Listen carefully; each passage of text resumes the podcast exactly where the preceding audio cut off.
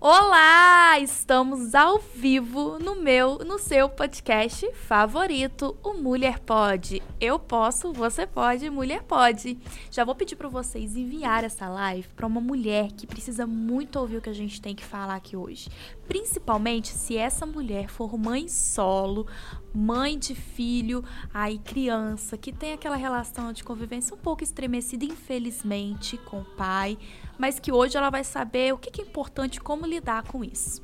Também vou pedir para você curtir, gente, curte aqui o episódio, ajuda o trabalho da amiga para a gente continuar produzindo esse esse trabalho, esse podcast de qualidade. Se você ainda não assistiu os outros episódios, estão todos aqui no canal. Já aproveita e se inscreve no canal, porque aqui vocês têm toda semana às 7 horas da noite na quarta-feira episódios ao vivo e também segue a gente lá no Instagram, o arroba mulher.pod, o arroba agência Caia e o arroba Zion Studio, que, que é a agência e o estúdio que está produzindo esse podcast maravilhoso. E hoje estamos aqui com uma convidada muito querida. Eu, pessoalmente, adoro. É, a gente já teve a oportunidade de fazer uma live juntas também para falar de um tema super importante. E quando eu resolvi falar desse assunto agora no final do ano, que infelizmente tem a maior incidência de conflitos entre pais separados, sobre a convivência dos filhos, eu, eu pensei assim, não pode ser ninguém se não for Ludmilla, que está aqui com a gente hoje. Ela é psicóloga e eu vou deixar ela se apresentar melhor aqui para vocês. Obrigada, Raíla. Em primeiro lugar, quero agradecer pelo convite. Falar que estou muito feliz, é uma honra estar aqui no Mulher Pode.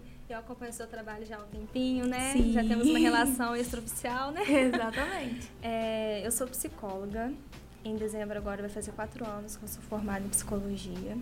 Eu tenho pós-graduação em psicologia hospitalar. Atualmente atuo na psicologia clínica, né? Tenho os meus atendimentos aqui em Itaperuna.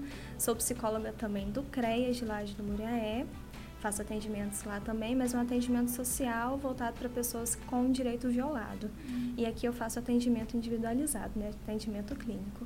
E hoje estou aqui para a gente conversar um pouquinho sobre Ai, esse assunto pertinente, né? Importantíssimo Sim, também. é um prazer ter você aqui. Eu jamais deixaria de ter um episódio com você. E esse muito oportuno, até porque Ludmilla trabalha diretamente com crianças, né, Ludmilla? Sim, sim. O que a, a, eu percebo, pelo menos, é, no mercado, não são todos os psicólogos que acabam pegando os casos de criança. Sim, Acredito uh -huh. que sejam mais complexos, né, mais ah, delicados. Com certeza. Então, eu queria que você falasse um pouquinho de como é desenvolver esse trabalho uhum. com criança, se é no consultório, claro. como que funciona. Então, meu trabalho é voltado, né, mais para crianças, adolescentes, né, jovens adultos também, alguns aparecem, mas o trabalho com a criança, com o adolescente é um trabalho bem complexo porque a maioria das crianças estão lá por questões relacionadas à própria família.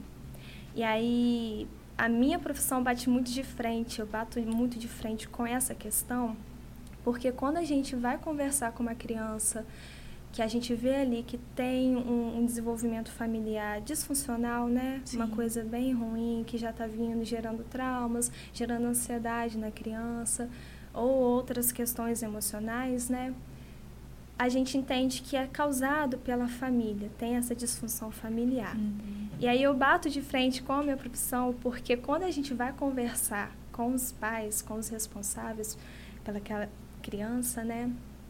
Eles, na verdade, retraem. Alguns pais deixam de levar a criança no consultório, porque o que está gerando tudo aquilo que levou a criança no consultório são eles são eles mesmos. Que entendeu? também deveriam estar tratando Exatamente. as causas deles, né? Exatamente. Esse é o grande ponto que eu sempre estou ali batendo com eles, porque eu não faço atendimento somente da criança. Uhum. Eu tento trazer os pais, né, os responsáveis, para esse meio terapêutico, né, para o set terapêutico, para a gente conversar, para a gente debater e ali ter uma clareza, né, maior, eles mesmos entenderem que é o que aquela criança está sofrendo tem uma parcela de culpa bem grande deles e é bem complicado. São poucos pais que aceitam isso, acham que é qualquer outra coisa, que é a escola, que é o mundo, que é da própria criança, da própria personalidade. Mas a criança ela está ali representando, né? A gente até uma certa idade, até um início da adolescência, né, na pré-adolescência, a gente representa tudo aquilo que a gente vê, tudo aquilo que a gente vivencia. E nada mais forte do que a família, né? O seio Sim. familiar, para a gente ter essas representações na nossa vida. Depois a gente vai se baseando em outras questões, como escola, amigos, né? E aí vai criando a própria personalidade, mais para o lado da adolescência, pré-adolescência.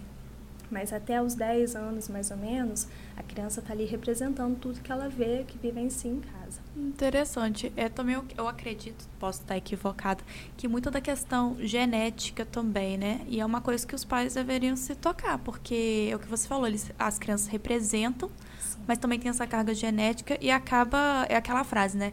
É, os filhos são os espelhos dos pais. Isso. Acaba refletindo neles as atitudes, né, os comportamentos e talvez em proporções diferentes, porque a criança não sabe lidar com emoções, né? Exatamente. A criança, na verdade, às vezes ela é muito, como posso falar, subjugada, talvez seja essa palavra, porque a gente acha que a criança ela não está entendendo as uhum. coisas, mas ela já consegue verbalizar, então ela já consegue de certa forma expressar suas emoções.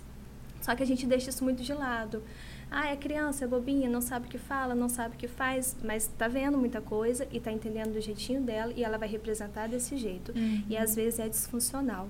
Mas a, a criança, ela traz essa carga desde muito antes do nascimento dela. Desde o ventre da mãe, para falar a verdade. Porque ela está conectada às emoções da, da mãe, né, uhum. da genitora. Então, tudo aquilo que a mãe está vivenciando está sendo passado para a criança. Aí vem a herança genética, às vezes até mesmo da própria avó. Porque quando a mãe, a avó. Socorro. É, olha só. Porque quando a avó está gerando a mãe, ali dentro do, do útero daquela criança que está sendo gerada, tem uma herança genética que vem da avó. Por exemplo, a sua mãe teve você, né? Bonitinho Sim. durante a gestação, estava lá você crescendo na barriguinha dela. E dentro do seu útero, dentro do, da formação de todos os seus órgãos, estavam sendo criados os folículos, que futuramente serão os óvulos, que uhum. gerarão seus filhos se um dia você quiser ter. Esses folículos, esses óvulos, eu têm herança pensando... genética da sua mãe, que tem herança ah, genética eu, da sua avó. Eu tava com medo de você chegar nesse ponto. não sei pois é. se devo me preocupar. É, então, vamos conversar isso mais tarde. É, e aí é. vai trazendo tem essa herança genética que vem, vem passando pra gente de geração em geração. Aí você escuta falar, nossa, você é igualzinha a sua bisavó e você nunca conheceu ela, nunca teve contato, mas é por causa disso, essa herança está dentro de nós. Meu Deus, eu nunca tinha ouvido falar pois disso. Pois é. E até mesmo as questões de trauma, né? Uma gestante que passa por um trauma, uma fase difícil durante a gravidez, ela tá passando isso pro bebê. E o bebê é. vai nascer com essa carga também. É interessante a gente falar disso, porque a gente também vê muito caso de, gesta de, de mulheres que na gestação elas já são mãe solo, né? Então, a carga da mãe solo, ela é muito... A carga de uma mãe já é muito grande. Já. A carga de uma mãe solo é muito maior. Então, esses impactos da maternidade solo ainda no período da gestação talvez afete muito mais a criança. Sim, exatamente, pelas incertezas, né, que isso tudo já gera. Uma mulher que é casada, né, gerando uma criança, já tem medos, receios do que o futuro pode reservar, agora você imagina uma mãe solo, né? Às vezes não tem nenhum auxílio ali de um familiar sequer, ou da própria mãe dela, parentes, enfim. E sem a figura paterna, a gente sabe né, que é, muito importante. Figura materna figura paterna para o desenvolvimento infantil uhum. de todos nós. E quando isso não existe, não tenha, cresce com essa disfunção, entendeu? E isso pode gerar mais tarde outros traumas, outras disfunções relacionadas aos relacionamentos futuros, né? relacionamentos amorosos, relacionamentos de trabalho, relacionamentos de poder, enfim. É, Isso na vida inteira. E nos seus atendimentos, assim, você percebe uma maior incidência dessas questões com criança quando são filhos de pais separados? Esses conflitos de convivência? Sim, muito, muito. Infelizmente, eu vejo muita alienação parental. Hum. E é bem complexo, eu vejo isso muito, eu vejo mais na clínica do que até mesmo em outros, em outros lugares que eu atuo. É, chegou um caso para mim, há um ano atrás, mais ou menos, de um menino que ele tinha uns 4 anos na época, com um caso de diabetes emocional. Já ouviu falar disso? Já ouvi falar. É, não sei muito sobre, mas já ouvi falar. Pois é. O nosso corpo e a nossa mente, eles estão interligados. Tudo funciona na mesma vibração, vamos colocar nesses termos. Se um está funcionando de forma irregular, o outro também vai seguir dessa forma. E a nossa mente ela tem um poder muito grande no nosso corpo. Uhum. Já ouviu falar do filme Exorcismo de Emily Rose? Uhum. Todo mundo fala que aquilo é possessão demoníaca, enfim. A Emily Rose, na verdade, era esquizofrênica. E tudo aquilo que o filme tentou representar era da força da mente dela atuando no corpo e aí ela tem uma força sobre-humana uhum. ela anda em paredes obviamente o filme ele tem tende a, a, colocar de uma forma bem mais extravagante do que Até de porque fato é uma é. arte, né? Uma reprodução artística para chamar atenção. Exatamente, mas a Emily Rose ela era esquizofrênica.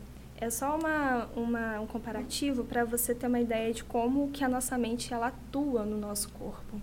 Ela tem forte influência em tudo que a gente faz. Por exemplo, em caso de crise de ansiedade, quando a gente sente aquela palpitação, aquele mal-estar, parece que a gente vai desmaiar, é a atuação da nossa mente. O nosso corpo está saudável, mas a mente não estando assim, o corpo também vai padecer de, uma, de um jeito ou de outro, né? Uma hora vai acontecer. E aí chegou esse menino que ele tinha descoberto que o marido da mãe dele não era o pai dele. Uhum.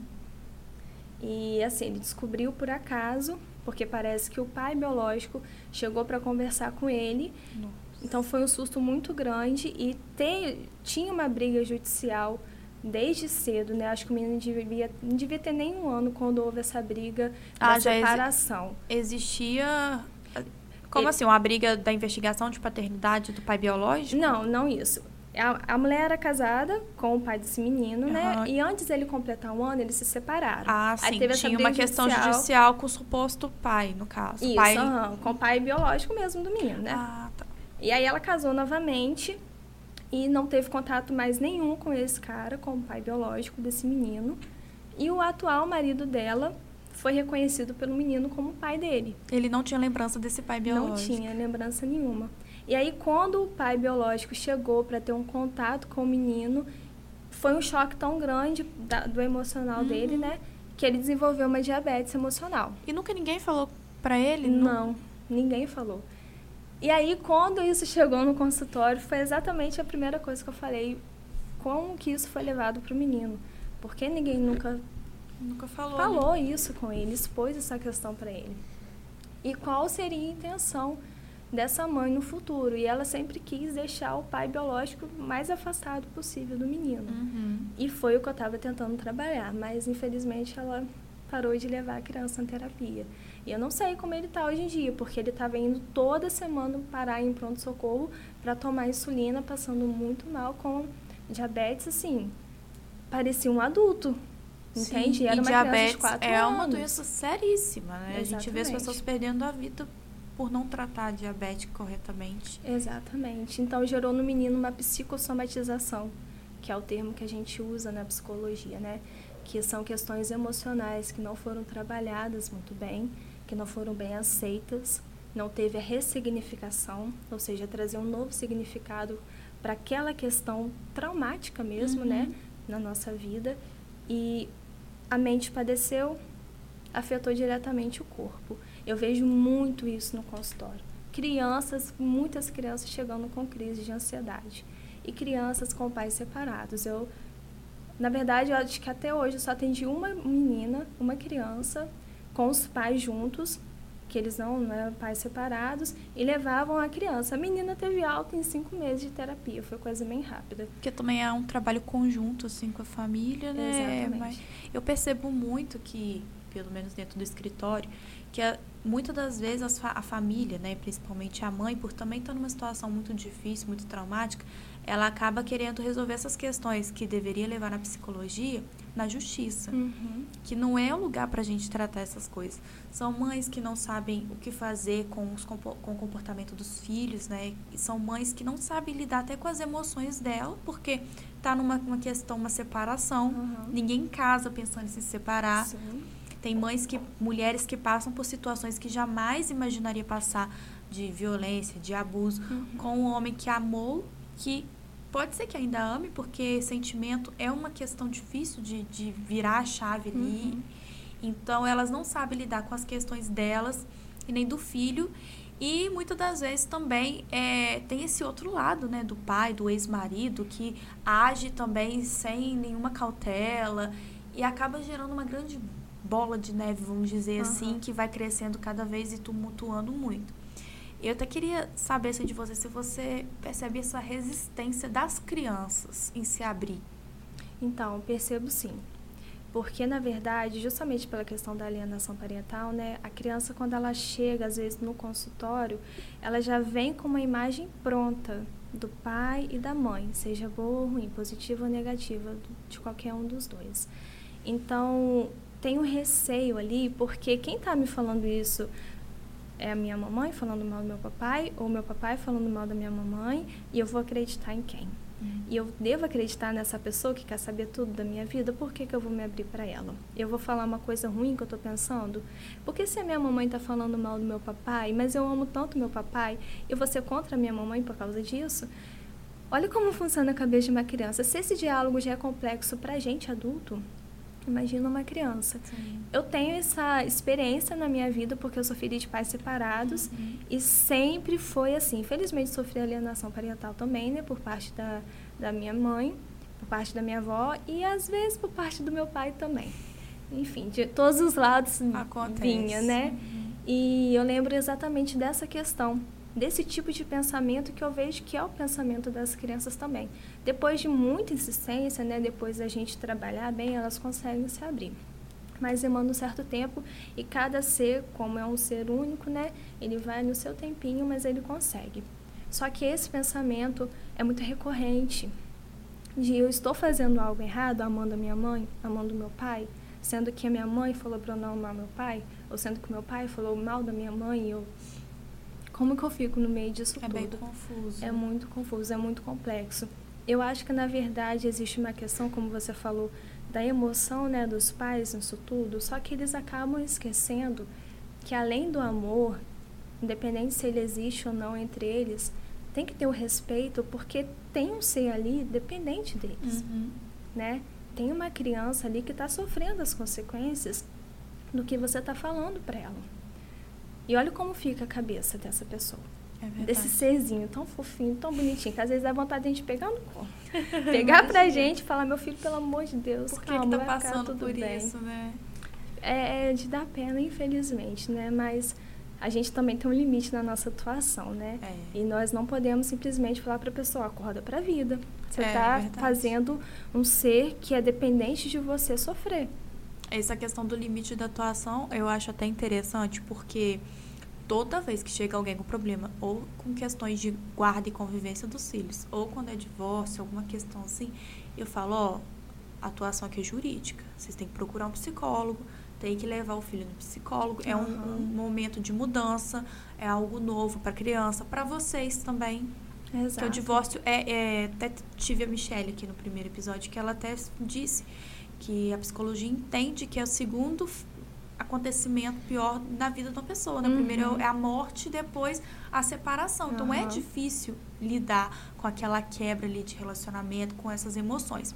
Só que eu também percebo muitas das vezes que o ser humano ele tem essa resistência de ele mesmo procurar se ajudar, procurar melhorar aquela questão, porque a psicologia trabalha muito, a pessoa trabalha muito ela com ela mesma, Isso, né? Uhum. A psicologia está ali dando uhum. aquele auxílio. Isso. E as pessoas, eu percebo que elas não querem isso, elas querem que alguém resolva o problema por delas elas. Pra, por elas. Uhum. E eu percebo que na advocacia eles encontram esse na cabeça deles é, é projeta essa essa solução. Exatamente. Eu vou no advogado, vou entrar com processo de divórcio, vou entrar com processo de guarda. Uhum. Depois, quando tiver a decisão judicial, minha vida está resolvida. Uhum. E quando sai essa decisão judicial, e muitas das vezes demora, porque a justiça ela é lenta, infelizmente, não tem uma solução. Tem algo regulamentado, que é muito importante que os pais, quando se separam, regulamente essa convivência, essa visitação. Uhum. Até porque é, eu sempre falo que uma coisa de boca, além de não valer nada judicialmente, é uma coisa que não organiza a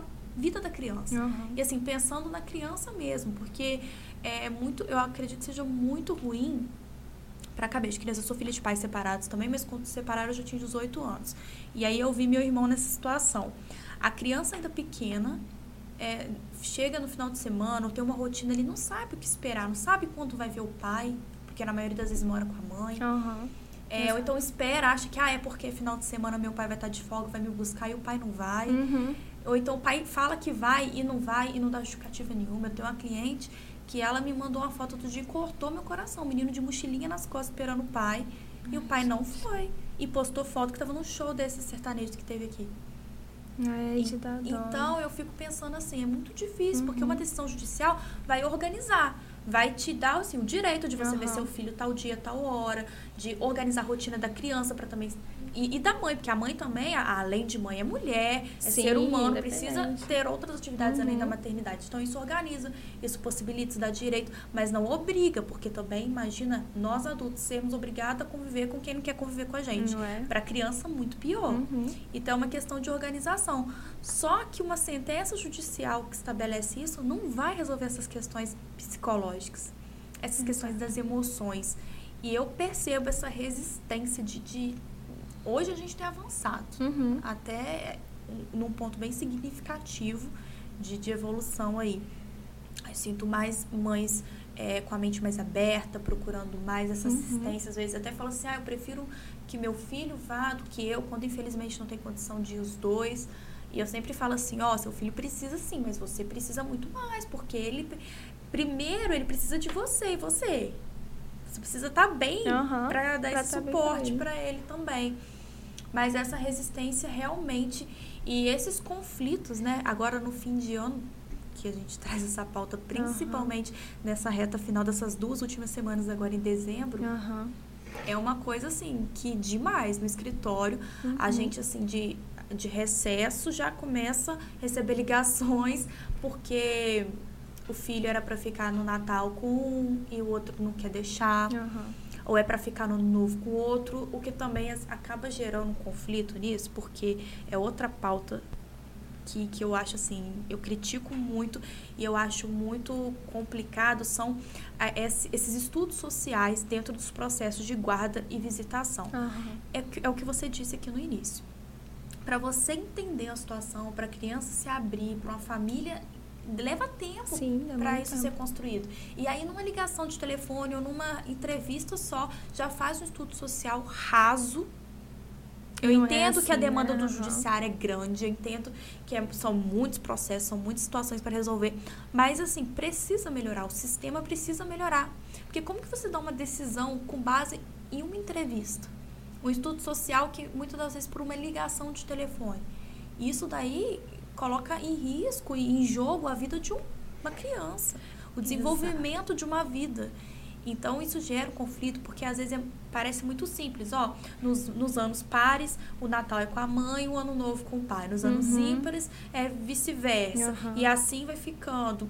Mas não é assim, porque a gente chega nessa última semana, que é Natal, cinco dias depois, Ano Novo, e vem férias. Aham. E é um conflito muito grande. E, e você percebe isso também dentro do consultório? Sim, vejo muito. Vai chegando esse período, principalmente também por causa da, do. Dependendo da idade das Uhum. crianças, né? Por causa das provas de final de ano. Os níveis de ansiedade, eles vão aumentando assim. Você fica boba de ver. É muito significativo mesmo. Porque eu acho que o que está faltando de fato, Raíla, é as pessoas entenderem que aquela criança tem que ser respeitada também a vontade dela. Uhum. Porque ah, você tem que passar com seu pai a virada do ano novo ou o Natal, enfim. Mas o que, que a criança quer? É Entende? verdade. Ele quer ficar com o pai? Ele se sente confortável estando ali? Ou ele se sente confortável estando com a mãe, passando com a mãe, viajando com o pai para outra cidade, longe do seio da mãe ali, né? Porque a gente entende o, o sentido de mãe como algo mais acolhedor, né? Enfim. Ou o contrário também pode acontecer, ter esse sentido com o pai. Nada impede. Mas a, que- a questão toda nessa situação está no respeito voltado para a criança, entende? Uhum. Tá bom, você é homem, você é mulher, são pai e mãe que não deu certo, mas o relacionamento acabou. Mas aquela criança, ela tá confortável aonde? Ela tá bem aonde? Ela tá evoluindo aonde? É isso que tem que ser levado em consideração. Eu acho que na questão da justiça judicial, né? Não sei se é assim que funciona, mas o que eu tento trazer, os questionamentos que eu levanto, né, para trazer esses novos pensamentos dentro do consultório são voltados para isso. Uhum. Você não vai chegar para mim levando seu filho e falando um milhão de coisas ruins que o seu ex-marido ou que a sua ex-mulher fez, falou, deixou de fazer, enfim. Eu quero saber da criança. Ela é que importa ali, entendeu? Sim. Porque é um ser indefeso. Você sabe lutar as suas lutas, suas batalhas. Aquela criança não. E ela não tem que lutar uma batalha que não é dela. É verdade. Ela não está ali no meio de, de, sei lá, de dois lados guerreando. Ela não tem que estar no meio dessa batalha judicial, essa batalha de guarda, essa batalha de definir férias. Ela tem que estar ali no lugar onde ela fica bem, entendeu? Onde Sim. ela cresce saudável. E se não está sendo bom para ela, em um mínimo aspecto que seja, ela tem que ser tirada disso e viver bem aonde ela quer viver. É, igual você disse judicialmente, era para ser assim. Os estudos sociais é? eram para ser assim, para ouvir também a criança. E, infelizmente, não ouve. Na adolescência você até ouve, mas muito raso é. também.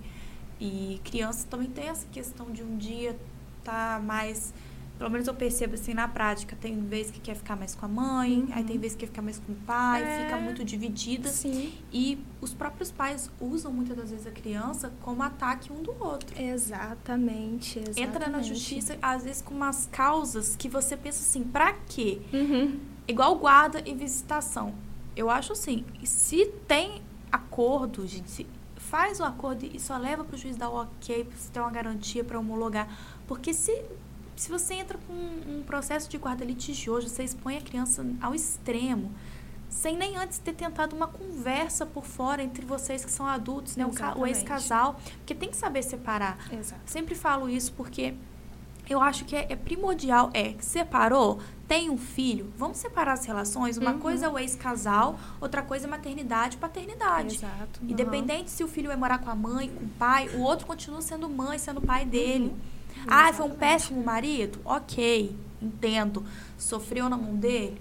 Infelizmente acontece muito, uhum. mas tem que deixar o, o, próprio filho ter os julgamentos dele é. sobre o pai. Às vezes ele não está sendo um péssimo pai, né? Eu vejo adultos mesmo que às vezes falam: ah, meu pai foi um péssimo marido para minha mãe, mas foi um ótimo pai para mim. E aí, às vezes, uma tia desse adulto fala assim: ótimo pai, nada. Deixava tudo nas costas da mãe. Então, assim, a percepção que a pessoa tem do pai uhum. ou da mãe uhum. dela é, é única, é a visão dela. Ainda que quem está de fora veja de outro é, jeito. Não, isso sempre vai ocorrer, né? A gente sempre tem a nossa própria opinião, nossa opinião formada sobre várias coisas. A gente gosta de dar pitaco uhum, na vida do outro, né? Exatamente. Isso é muito fácil. Quem está de fora gosta de olhar a situação ali e falar, não, é assim, assim, tem que ser dessa forma, porque o melhor é assim. Não é, gente, é quem está de dentro, quem está vivenciando, experienciando na pele. Exatamente. E é a criança, não tem ninguém melhor do que ela para falar. Eu gosto dele porque ele é um bom pai. Gosto dela porque ela é uma boa mãe, está sendo bom para mim dessa forma. E assim a gente vai seguir. Não é assim que tem que ser ouvido judicialmente, é assim que eu ouço no consultório. Por que, que os pais também não escutam dessa forma? Por que, que não levam em consideração a opinião daquele ser que está crescendo no meio conflituoso? Sim. Deixa a criança de fora disso, gente. A criança não tem nada a ver. Se você não soube escolher um bom marido para você, deixa a criança decidir se ele está sendo um bom pai, e o contrário também, se você não soube escolher uma boa esposa, deixa a criança decidir se ela está sendo uma boa mãe. É, e às vezes também a gente acha que está escolhendo bem e acaba se surpreendendo no meio do caminho, né? Exatamente. né? Porque não vem uma estrela na testa falando. Não tem, eu não. vou ser ótimo. Eu tenho até um caso que você me fez lembrar dessa questão de as pessoas darem opinião, porque eu percebo muito que as pessoas colocam criança dentro de assunto de adulto também. Uhum. Aí terminou, teve o divórcio, e aí vai se abrir com uma amiga, com um familiar, com alguém, e a criança ali no meio participando do assunto. E nesse caso específico, eu percebo muita incidência de todo mundo da família, de vó, de tia, que, que chega para incidir e na hora da criança tomar decisão, a criança é meio que comprada pela família. Isso. Entende? Uhum comprado assim, de, de objeto mesmo, é, um telefone uh -huh. novo. Um videogame, um videogame. E dos dois lados. Parece que fica disputando. É. é. como se eu e você estivesse disputando um, sei lá, um prêmio. Uhum. E, e ficasse. Quem dá mais aqui. por ele, Quem né? dá mais por esse prêmio? Ah, entendeu? Como uhum. se fosse um leilão. É, exatamente. Exatamente, é como se fosse um leilão. A pessoa pega a criança, olha para ela, imagina o leilão e começa a comprar a criança Uhum. para que ela escolha o maior, quem deu o maior valor. E ai de você se não escolher quem deu o maior valor, tá? Porque a Exatamente. criança ela vai sofrer de um jeito ou de outro. E, a- e vem a questão da culpabil- culpabilização. Uhum. Exatamente por isso. A criança ela vai chegar num ponto que, pelo amor de Deus, qualquer decisão, qualquer fala minha pode prejudicar um lado e beneficiar o outro e vice-versa. E eu não quero carregar isso. E é essa questão do respeito para com a criança. Ela não tem que carregar culpa nenhuma de um divórcio conflituoso, de uma relação conflituosa. Gente, não deu certo a relação entre marido e mulher? Pelo amor de Deus, faça dar certo de pai e mãe. Isso a criança vai ter que levar para o resto da vida. E isso define o caráter, define a personalidade dele no futuro. Porque se ela cresce no meio conflituoso, tudo nela é conflituoso, tudo nela é disfuncional. Se vem a questão da culpabilização, ela vai começar a omitir coisas também, porque ela não vai querer sentir essa angústia que a culpa traz a se retrair. né? se retrair. E a criança que começa a omitir muitas coisas nessa retração, ela se torna um adulto disfuncional a ponto de daqui a pouco estar mentindo sobre coisas realmente importantes. Eu não roubei nada, não. Eu não matei ninguém. Eu não bati em ninguém. Eu não agredi ninguém. Eu não fiz nada demais. E na verdade ela só está mentindo porque ela não sabe lidar com essa questão da culpa. Porque foi assim que ela foi criada. Cresceu uma criança disfuncional, se tornou uma um adulto disfuncional. Entendeu? Então, o cuidado, o carinho e a atenção que a gente tem que ter com as nossas crianças, independente se tem amor ou não entre os pais, mas é a coisa mais importante que existe. Porque ela não tem culpa de ter nascido nesse meio, de estar ali. Só que agora você tem que ter responsabilidade em cima disso. Entendeu? É, a gente falando, até o tema do episódio é sobre filhos de pais separados. Mas aí ouvindo a sua fala, me faz lembrar de vários casos e eu vou pensando assim. é, você percebe também conflitos, talvez não tanto no, no consultório, que você disse que tem muito, a maioria são filhos de pais separados, mas da atuação no geral, que existe também é, essa, esse problema de pais usarem filhos para atacar um outro dentro das suas próprias vontades quando ainda são casados, porque as pessoas adoram falar que o divórcio acaba com a criação dos filhos. Assim, a gente sabe que a reflete, não Uhum. tem jeito, mas também a gente tem que olhar pela ótica de que é uma mulher que sofre, que é violentada, que ela não, não escolheu viver isso. Sim, ela precisa sim. estar bem para criar o filho, então ela não tem outra saída a não ser se Uhum. divorciar. E muitas das vezes ela é surpreendida, né? Quando o marido pede o divórcio, porque Aham. ou já tá com outra companheira, enfim.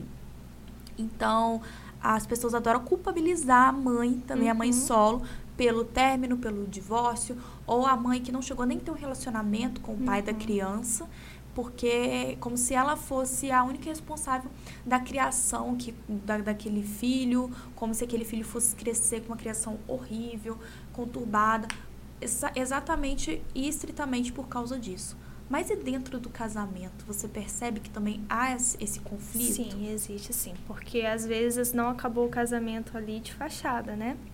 Mas por dentro já não existe mais respeito, não existe mais diálogo, não existe carinho, existe só conflito. É, tem uma atriz, eu não sei, eu não tô lembrado o nome dela, acho que é Charlize Theron, alguma coisa assim, uma atriz americana, que ela matou o pai dela depois de pegar o pai espancando a mãe. Então ela já estava vivenciando esse conflito dentro de casa há muitos e muitos anos. Vendo o pai quebrar a mãe de tanto bater, mas batia muito. Chegou um dia, ela já estava adolescente, ela não aguentou aquilo, ela, eu não sei se ela pegou uma arma ou pegou uma faca e matou o pai. Ou seja, às vezes Ainda jovem. ainda jovem. Às vezes a separação, ela pode ser um meio, né, importante para a saúde mental da criança também. Porque o que ela tá vendo ali por trás disso? A gente enxerga às vezes um casamento de fachada, muitos relacionamentos de fachada, mas pra, da, da porta para dentro, né, dentro de casa, a gente não sabe a realidade ali daquela família. E às vezes tem muito mais conflito do que se fosse uma separação, se houvesse um divórcio, uma separação, e aí vem as questões de guarda, enfim. Mas eu vejo isso acontecer também. Eu vejo isso mais no meu outro trabalho. Uhum. Entendeu? Eu vejo isso muito acontecer. É, é, tão recorrente quanto a questão do, da separação. Da separação. Porque eu também, eu percebo que é uma, uma questão, igual você falou, por inúmeros fatores as pessoas continuam num casamento de fachada. Uhum. Seja pela questão religiosa, cultural, social, pelo Financeira, status, é. exatamente, a dependência, uhum. enfim. É, e aí, isso reflete muito na construção daquela criança enquanto ser humano que um dia vai ser um adulto e como que vai crescendo. Porque além de uma questão é, que ela vê uma violência nítida e se revolta, igual foi o caso da atriz, uhum. e pode fazer coisas absurdas, às vezes é uma questão que para a criança não é tão nítido e começa a ser normalizado, né? E ela cresce vendo aquilo como se aquilo fosse comum, como se uhum. relacionamento e amor fosse aquilo, porque Exato. nosso primeiro contato de amor uhum. são os pais. Exatamente. E cresce reproduzindo isso uhum. também. Né? E, e, eu percebo assim, às vezes, quando a gente começa, às vezes não, sempre, começa a estudar a questão dos casais, de relacionamento abusivo, aquela pessoa, ela tá reproduzindo alguma coisa uhum. que ela uhum. vivenciou ali atrás. Sim, exatamente. Porque eu estava conversando hoje cedo com uma paciente. É, um adulto difícil, ele é o reflexo de uma criança que passou por coisas difíceis. E a criança que passa por coisas difíceis, geralmente ela representa essa questão da família, essa questão familiar. Sim. Quando eu fazia estágio na escola, né, estágio obrigatório na época da faculdade, eu, eu lembro direitinho de. Eu fiz estágio lá em Venâncio, na minha antiga cidade, e eu conhecia a população de Venâncio toda. E eu tava, eu, eu lembro, gente, que eu vi o comportamento de algumas crianças, crianças meio rebeldes, uhum. agressivas. Eu falo, caramba, como é parecido com fulano. Como que era pai. Que era pai ou era mãe, como era parecida. Ela estava representando aquilo. E era uma criança que diretora não gostava, professora não gostava, e era sempre o aluno que deixava de castigo no final, lá no canto da sala. Mas, na verdade, ela está numa representação. E a criança, nesse momento de representação, é o momento que ela mais chama atenção uhum. para uma questão né, emocional que ela está sofrendo ali. E é quando ela realmente precisa de atenção ela precisa de ajuda. Eu acho que hoje em dia as escolas elas estão começando a se preparar melhor para lidar com esse tipo de questão, mas na época que eu estudei não, não era assim não. Ah, eu, eu lembro, gente, eu lembro que tinha um menino na minha sala que era um absurdo. Ele todo santo dia ele brigava com alguém na escola. Todo santo Sempre dia brigava. tem, né? Sempre tem. Eu era meio brigona na escola, mas é porque que Ah, conta. Ai, gente, não era gente, não. Mas o que, que acontece? Eu era muito reativa. Mas a minha mãe é uma pessoa muito reativa. Do tipo assim, a gente tem uma defe um mecanismo de defesa, e isso eu melhor, acredito eu que eu tenho melhorado, assim. a gente busca sempre evoluir. Mas um mecanismo de defesa, tipo assim, se me atacar, vou atacar. Uhum. Entendeu? Exato. Não, eu não vou levar desaforo para casa, eu não vou engolir isso uhum. quieta. A minha avó é assim. Uhum. O meu avô era assim. A minha mãe é assim. E a gente vai reproduzindo. Vai, vai levando. Então, assim, eu era ótima aluna, assim. Muito. Os professores gostavam. Não era aquela, aquela criança difícil, não. Uhum. Mas eu nunca deixava passar um conflito que chegava até mim. Se chegava, eu reagia. Resolvia, né? Eu sempre resolvia ali. Uhum. E tinha uma questão, uma frase que a mãe sempre falava assim: se tiver problema e trouxer para casa, quando chegar em casa vai ter outro problema. Tem que resolver o problema lá. Nossa, você Não deixa a escola me, me, chamar lá, que senão o problema uhum. vai ser uhum. maior em casa. Uhum. E assim, eu não julgo ela, porque ela também foi criada assim. Então ela reproduziu a criação que ela teve. Meu avô Exato. também era assim com ela. Uhum. Só que isso ficou para mim. Então uhum. tem essa, autode essa autodefesa. Sim, é. E com meu irmão já percebo que é um pouco diferente, porque são contextos diferentes. Ele já, meus pais se separaram quando ele ainda era muito pequeno, então ele é uma criança assim com temperamento também, apesar de eu acho o temperamento dele mais sistemático que o meu, mas é uma pessoa que você que não, não, não vai reagir ali na hora, uhum. ele vai ir para casa bolado com a situação, uhum. vai ficar quieto e ficar vai aqui, guardar, vai guardar, né? Mas não vai resolver. Uhum. E aí eu abro muito esse espaço, às vezes, de diálogo com ele. Hoje a gente não mora mais na mesma casa, mas abria muito esse espaço para ele também falar. Só que eu percebo essas diferenças porque a, eu percebo que minha mãe também não, não tem esse tipo de fala com ele hoje, que ela tinha comigo uhum. a, na época da minha infância. E isso também fica na nossa cabeça, né? Sobre ser uma criança é, difícil. Eu não me considero difícil, a gente. Agora ficou feio pra mim, né? Parece que eu sou uma pessoa difícil. Não, eu, era, não eu era, resolvia não. meus problemas. Eu, não é à toa que eu sou advogada. Eu resolvia Né? meus B.O. lá Se encontrou ali também, né? É, mas tinha umas crianças realmente muito difíceis, né? Uma- uma- Muito, e colégio muito. público, não sei particular que eu nunca estudei, Eu mas o colégio público Não, era, era um negócio fora de série. E tipo assim, deu problema, vai pra secretaria, fica de castigo. Não tinha conversa, não. Não tinha, não. E era. Hoje tem. É. Hoje tem porque teve um, um problema com a conhecida, é, ainda criança, e encaminharam pro psicólogo da rede pública pra fazer uma avaliação. E aí descobriram que a menina, inclusive, estava no início ali de uma depressão, com outros transtornos, que ela, por ser criança, não estava sabendo lidar. Então eu também vejo esse avanço aí nessa questão da educação. Mas antes não era assim, não. É, não, não era. Quem dera se fosse, né? Evitaria muitas coisas, mas enfim, sobrevivemos ao ensino médio, ensino fundamental. Você falou dessa questão, me lembrou um caso da, lá, lá da minha, do meu outro vínculo. É, chegou pra gente, através da escola, um caso de frequência escolar. E aí, em frequência escolar, né, vai pro CREAS como direito violado, porque a criança tem o direito ao estudo, né, e, e o dever também. Enfim, fomos investi- investi- investigar. Fomos ver tudo direitinho, o que estava acontecendo. E aí vimos que era um pouco de alienação parental da mãe, separado recentemente do pai. Era uma jovem adolescente de 15 anos, super rebelde, e a gente não entendia esse comportamento. E era um comportamento assim bem agressivo, muito debochado, não deixava a gente conversar com ela de jeito nenhum. E aí depois de um certo tempo a gente foi entender o que estava acontecendo. Dentro de casa era muito conflito. Depois a gente foi descobrir que infelizmente a mãe tem problemas mentais, né? E ela, a filha já presenciou a mãe atacando o pai, às vezes até tentando um assassinato, né? É, foi bem, bem complicado, bem complexo. Só que infelizmente entra essa outra questão. Nós do CREAS, até o promotor de laje puxou a nossa orelha um pouquinho, porque a gente se envolve tentando ajudar o máximo que a gente pode. E a função do CREAS é, na, é dar orientação. Sim. Entendeu? A gente não pode, eu como psicóloga do CREAS, por exemplo, eu não posso fazer o atendimento clínico que eu faço aqui em Itaperuna, né? E eu já não fazia isso lá mesmo, São né? demandas diferentes. São também. demandas bem diferentes, bem diferentes. Mas ele deu um puxão de orelha na gente porque nós temos o trabalho de dar a orientação. Passou disso, agora é com o CRAS, agora é responsabilidade da família. E o grande problema é esse. A família não quer ter responsabilidade nenhuma. E até um ponto que você falou anteriormente também. Tá sempre nessa projeção de colocar no outro a responsabilidade para que a gente se cure. Isso não Exatamente. existe. Não existe. Como é que uma criança de 10 anos vai resolver os problemas dela sozinha na rua? E aí, se ela resolve do jeito dela e faz uma coisa absurda, sei lá, ou uma coisa nem tão absurda, só dá uma Uhum. briga mesmo de uma briga física ali, Aham. chega em casa, continua com o problema, né? Porque Exato. é, não dá pra entender. Exatamente. Eu tinha uma amiga que ela falava que se ela brigasse em casa, a mãe, a mãe- era a fala da mãe dela.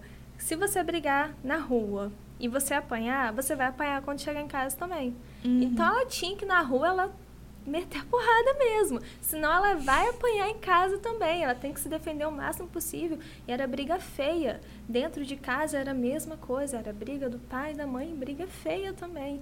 Então ela sempre reproduziu isso. Sempre levou uma personalidade mais forte, mais torrona, de briguenta mesmo, entendeu? E eu ali no meio, toda fraquinha, toda pequenininha. Falei, meu Deus, fazer o peteleco em mim eu caio. Nossa, Tem que ser amiga dela pra te defender. Exatamente, por isso que eu já me juntei ali. Eu não tinha força física, mas era mais esperta. Não, brincadeira. Mas eu era um pouco mais parecido com seu irmão, de guardar mais as coisas. E isso se tornou psicossomático em mim. Aí a ansiedade veio, aflorou, a depressão veio, né? Com muita força também. E foi aí, nessa época, que eu conheci a psicologia e me apaixonei. Então, de certa forma, sim, foi ruim, muito traumática essa fase também, né? Relacionada aos meus pais, a separação deles. Mas eu consegui me reerguer, apesar disso tudo, e me tornar quem eu sou hoje. E Então, ajudar outras crianças que estão passando pelo que você passou. Exatamente, eu costumo dizer que nada acontece por acaso. Deus tem planos em tudo que nos acontece E a gente tem que saber aproveitar as oportunidades que estão aí. Graças a Deus, hoje eu atendo pessoas que passaram pelas coisas que eu já Ai, passei. vou ficar emocionada. Ah, começa não que eu também vou. Não, mas é muito legal é, a gente refletir sobre isso, Uhum. porque é o que você falou, tudo reflete em nós enquanto criança, né? E aí você falou desse cenário de briga. é, se você pensar também numa questão sociológica, dependendo do lugar onde a criança nasceu, Uhum. cresceu, foi educada, desse contexto familiar, de pessoas que estão sempre em conflitos, relacionamentos conturbados e brigas e violência, ela cresce achando que ela tem que ser assim, ela Exato. naturaliza aquilo ali.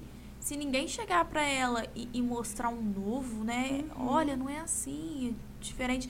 Se ela não tiver a oportunidade de ir no psicólogo, porque Aham. muitas não tem, porque a própria família não entende que isso é necessário, a própria família deveria ir e não vai. Isso. Aham. E Exatamente. eu percebo também um, ainda tá- tem melhorado, mas ainda um preconceito com essa questão de ir ao psicólogo. Uhum, tem um preconceito sim, porque é médico de louco. Eu é tive um taxado assim. divórcio, meu Deus. O, inclusive, era, tinha na família uma pessoa que era psiquiatra que poderia orientar muito melhor aquela, aquela mulher e, e fazer né, com que ela fizesse o tratamento, orientar ela. Mas quando eu fui conversar com ela, deixei ela falar, falar, falar, em uma das ligações conturbadas, que sempre me ligava muito desesperada. Eu falei assim, fulana, tudo bem, essa questão judicialmente a gente já, já resolveu, já tinha resolvido, já está resolvido, mas eu acho que essa questão talvez é e tentando com um jeito para a pessoa também não achar ruim, Uhum. procurar uma ajuda, talvez de um profissional de psicologia, nem falei psicólogo, né? Aí a primeira resposta que ela me deu falou assim: Não, doutora Raíla, eu não tô ficando maluca, não. Eu falei, gente, quem falou que ela tá ficando maluca? Não é? Quem tá ficando sou eu. Eu falei assim. Ela falou assim: Não, doutora Raíla, eu não tô ficando maluca, não. Ele É que é assim um mesmo. sem vergonha, que ele tá fazendo isso, que não sei. E aí eu percebi que a pessoa estava completamente fora de si, porque a situação, é é o que eu falei no início, a situação juridicamente já estava solucionada, Uhum. já acabou. É isso, ponto, não tem mais o que fazer. Só que a vida dela não estava resolvida, porque essas questões emocionais, psicológicas não tinham sido levadas, tratadas. Então, Exatamente. você percebe também ainda esse preconceito? Sim, demais. Inclusive, se os nossos pais fizessem terapia, talvez a gente não precisaria fazer. Mesmo, Entendeu? Né? Ai, os meus. Eu falo, nossa, assim, no, no geral, mas se cara fosse civil, pego pra mim também, tá? Fica tranquilo. mas a, a questão é essa, as pessoas, elas têm um preconceito muito grande com psicólogo, psiquiatra, e quando a gente encaminha, eu vejo isso muito no consultório, quando chega pra mim, já chega com essa Resistência. essa né? resistência toda. E aí, quando eu vejo a necessidade ali, talvez, de um tratamento medicamentoso para auxílio da ansiedade, auxílio da depressão, porque eu sei que somente ali comigo não vai. Uhum. Precisa do auxílio para regular as questões hormonais, né? Aham. Porque o nosso emocional está todo desestabilizado, desregulado, né? Então, fica essas questões hormonais também embaixo. É o que gera esse mal-estar na gente quando temos crise de ansiedade. Esse, esses, se- esses sintomas físicos que Esses sintomas físicos, exatamente. Então, o remédio ele vem para aliviar um sintoma, Uhum. entendeu? A terapia como psicólogo é para tratar a causa. É, porque Entendi. remédio nenhum desliga a mente da gente. Não desliga. Ele faz a gente desacelerar e aí durante a terapia a gente busca ferramentas através de técnicas que são passadas por nós. Você ali, o indivíduo que recebeu essas técnicas do seu psicólogo, vai começar a pôr em prática e começar a ter o controle da sua mente. E você também não pode projetar essa responsabilidade para o seu psicólogo. Ele É, tá mas as pessoas, orientador também. infelizmente, querem fazer isso. Querem que o outro resolva o problema dele. E de forma rápida. Rápido. E isso é um grande assim. problema da nossa. Não sei se da nossa geração ou da época que a gente está vivendo. Todo mundo quer tudo muito para ontem. É esse imediatismo, né? Imediatismo. Eu até estava lendo um artigo que fazia uma reflexão sobre a questão da internet, dos avanços tecnológicos, Uhum. das redes sociais, que tudo é muito rápido na palma da mão, que cresceu muito, inclusive, isso na pandemia, que tudo ficou muito. Tudo tecnológico, tudo rápido, Aham. tudo à distância, tudo delivery. Uhum. Então, as pessoas estão muito. E, com esse imediatismo. E acho que isso também reflete muito na questão das crianças que também estão estão assim. Né? Exatamente. E criança também voltada 100% para a tela, você já percebeu, né? Os pais não têm mais tempo para o filho, para brincar, para crescer, ensiná-los né, a crescer, a desenvolver. Eu não vejo criança mais quando eu vou visitar minha avó em Venâncio, a gente morava numa rua que é chamada Rua de Baixo. Uhum. É uma rua paralela principal, né? Mas assim, não tem movimento de carro nenhum, uma rua de terra. Ou a gente fala que é a Rua das Pedras, porque quando chove vem pedra de tudo da rua de cima e do morro. Nossa, e aí fica... uma ressignificação de Búzios, De Búzios, né? exatamente. é uma releitura, fica maravilhoso. Mas a gente brincava ali todo santo dia. Chegava férias, aquela rua lotada de criança. Hoje eu passo lá, tá deserto. Você não vê ninguém, você não vê uma bola, você não vê criança soltando pipa mais. É celular o tempo inteiro, é TikTok. Eu fico com uma pessoa, falei, gente, pelo amor de Deus, a e as crianças irritadíssimas também, porque o, perdeu o joguinho, porque a internet caiu, o vídeo não, não carregou, o celular descarregou. Eu falo, gente, pelo amor de Deus, vamos jogar um baralho, um banco imobiliário, o que, que é isso? Nunca ouvi falar, um pega-varetas, pelo amor de Deus, tem criança que chega no meu consultório. Eu adoro esses jogos, trabalhar o lúdico com a criança, eu adoro isso.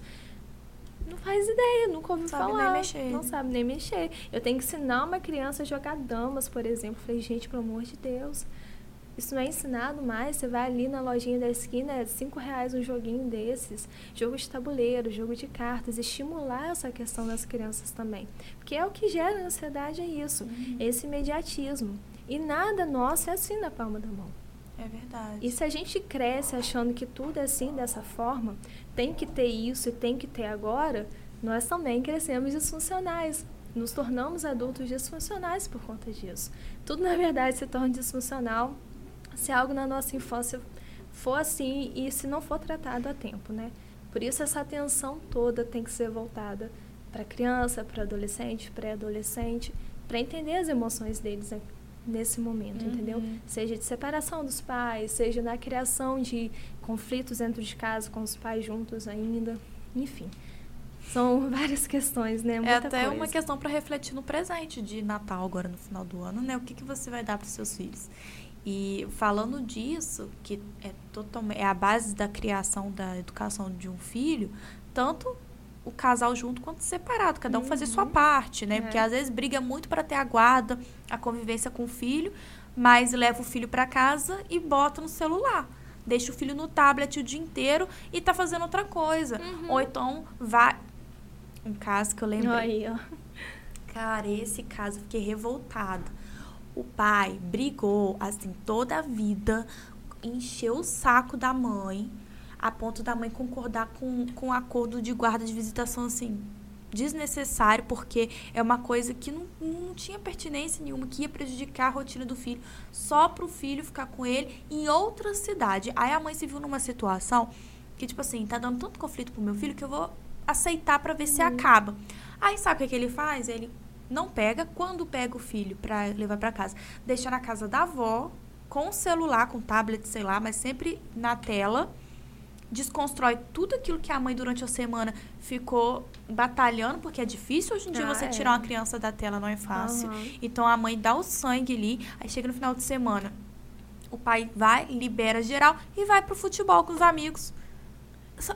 Sabe, assim, pra que expor uma criança a isso? Exato. Aí depois a criança, tem uns casos também que às vezes a criança é, mora com a mãe, a mãe solo exercendo ali o papel do, do compromisso, de botar para a escola, de dar o remédio, de ensinar o dever, a, a educação mesmo, que é árdua, é difícil, uhum. e a criança é muito difícil aceitar regras, então para ela às vezes é doloroso ter que cumprir uhum. aquelas regras, e quando é a visitação do pai, é o sorvete, é o passeio, é o celular, é fazer o que quer, porque o pai tá só visitando dois, três dias, passando finalzinho de semana ali, às vezes de 15, 15 dias, uhum. às vezes uma vez no mês, às vezes nem isso. Nem isso, né? Às vezes datas comemorativas, posta uma foto no Instagram, uhum. e aí a mãe que leva ali a fama de tá ser a, a rude, a, a má, de ser a ruim pro filho. Uhum. Então, assim, é bem complexo, né? É Porque muito. tem que haver uma responsabilidade paterna de saber que ele tá afetando o filho, a criação do filho, Isso de forma mesmo. negativa. Uhum. Porque a gente não pode crescer achando que pode tudo, né? Não é assim, a gente não. cresce um adulto desregrado. Exatamente. Isso tá muito voltado para questões do ego. Você ali numa, por exemplo, nessa briga judicial, né, de guarda, enfim, de pensão. O ego, ele faz a gente querer ter razão em tudo, sabe? Eu tenho que ser o dono da razão, tem que ser dessa forma que eu quero, porque eu quero, e eu tenho que me beneficiar. E não importa quem está envolvido nisso, se é o meu filho querido, amado, entre muitas aspas, tá uhum. tá bom? Entenda a ironia. Ou se eu tô indo ali para cutucar a minha ex-esposa, o meu ex-marido, eu vou até o fim porque eu quero ver ele prejudicado, que eu quero que ele saiba que eu tenho a razão, que eu vou conseguir porque eu quero, porque eu batalhei. Tá, você conseguiu. E aí agora? Mas essa criança tá ficando como? Exatamente esse caso que você falou, tá ficando em telas o tempo inteiro, tá ficando de... largada, deixou de lado.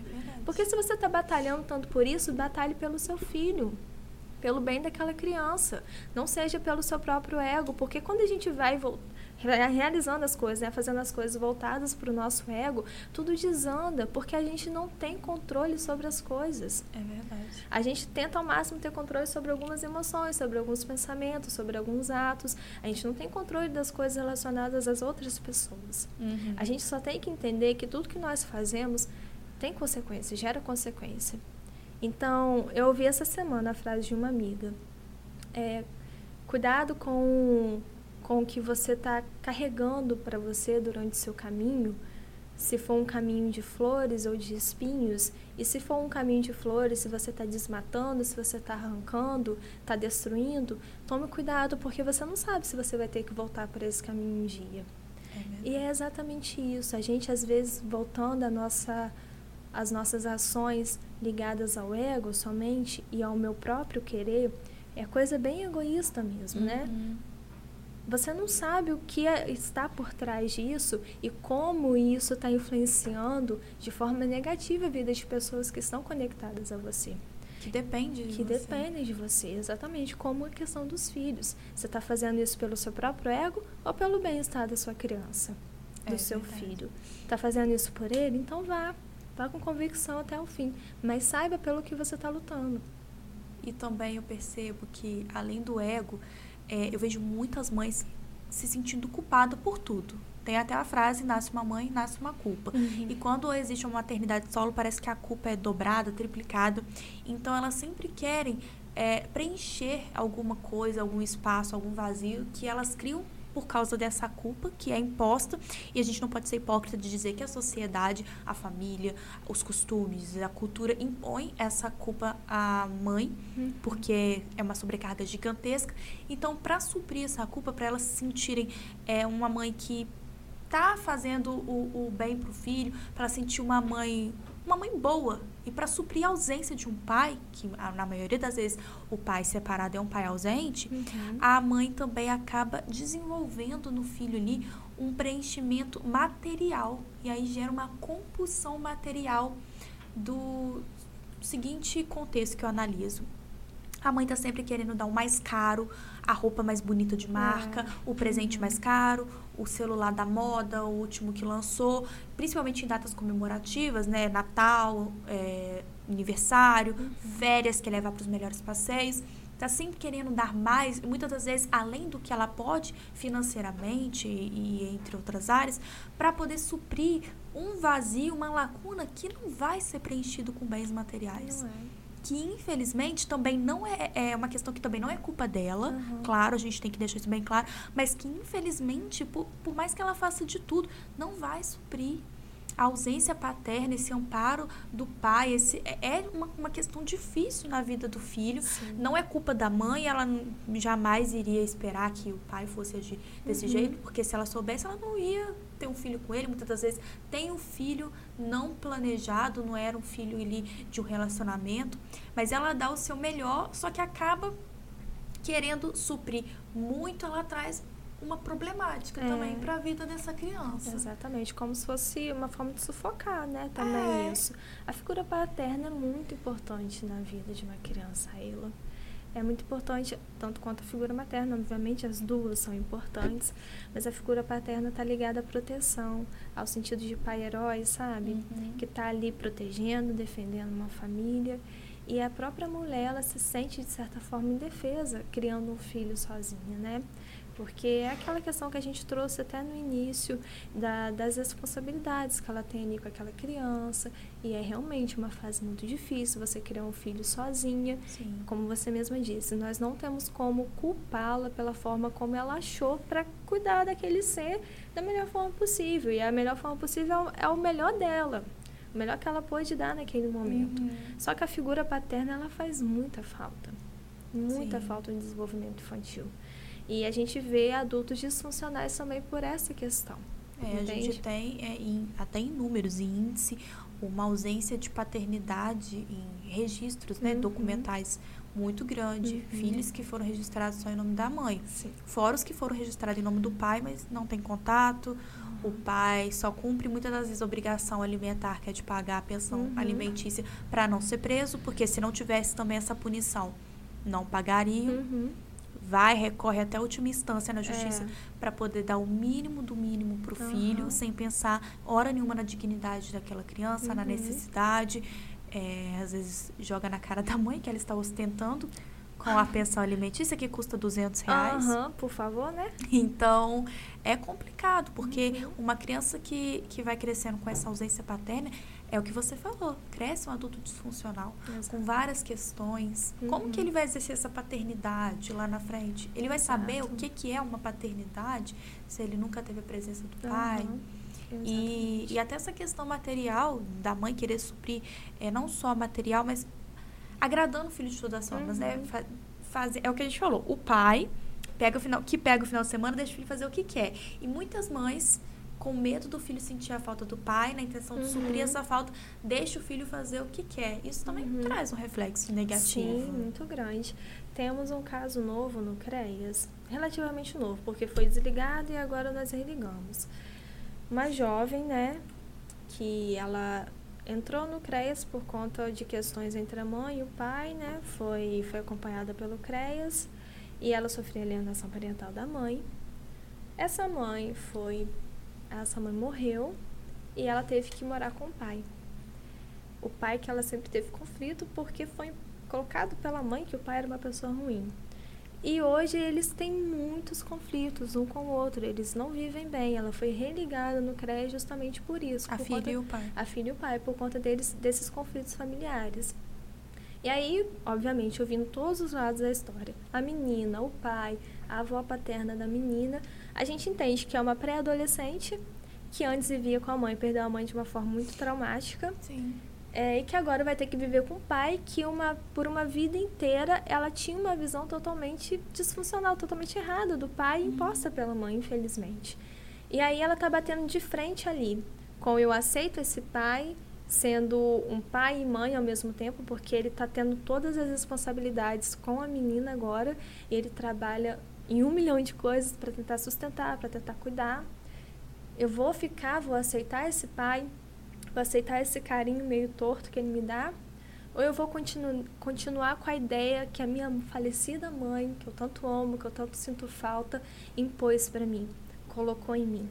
Tô traindo as ideias da minha mãe. Exatamente. E esse pai que também não exerceu a paternidade até o momento, não sabe como fazer isso Uhum. agora com uma filha já crescida, né? Uhum, Exatamente. Fora a dor do luto que essa jovem deve estar sentindo, Nossa. essa adolescente. Ela viu a mãe dela ser morta na frente dela. E a adolescência é difícil, né, gente? A adolescência já é uma fase.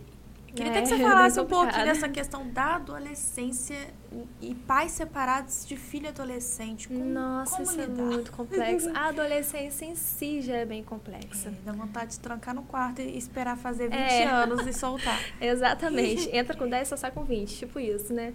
Mas na adolescência a gente tem um, um- um negocinho que a gente chama de luto pela perda do corpo infantil. Um negocinho, você tá vendo que eu falo um negocinho, né? Luto pela perda do corpo infantil. Quando a gente começa a ter peitinho, a nascerem pelos pubianos, pelos debaixo do braço, e meu Deus, eu tô perdendo meu corpo de criança, eu tenho esse receio, eu não quero que ninguém veja, isso é traumático demais. Então já começa aí. Uhum. Eu não quero ser assim. Eu quero continuar no meu corpinho de criança. Eu quero continuar brincando com meninas e meninos.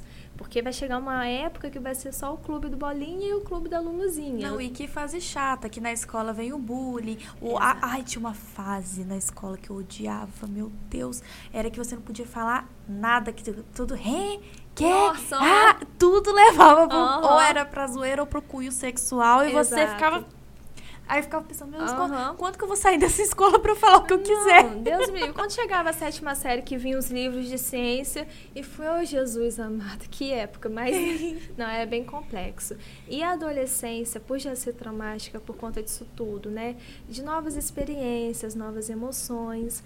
E aí Freud ele vem falar também de uma fase muito interessante, que pode ser até um pouco assustador de escutar.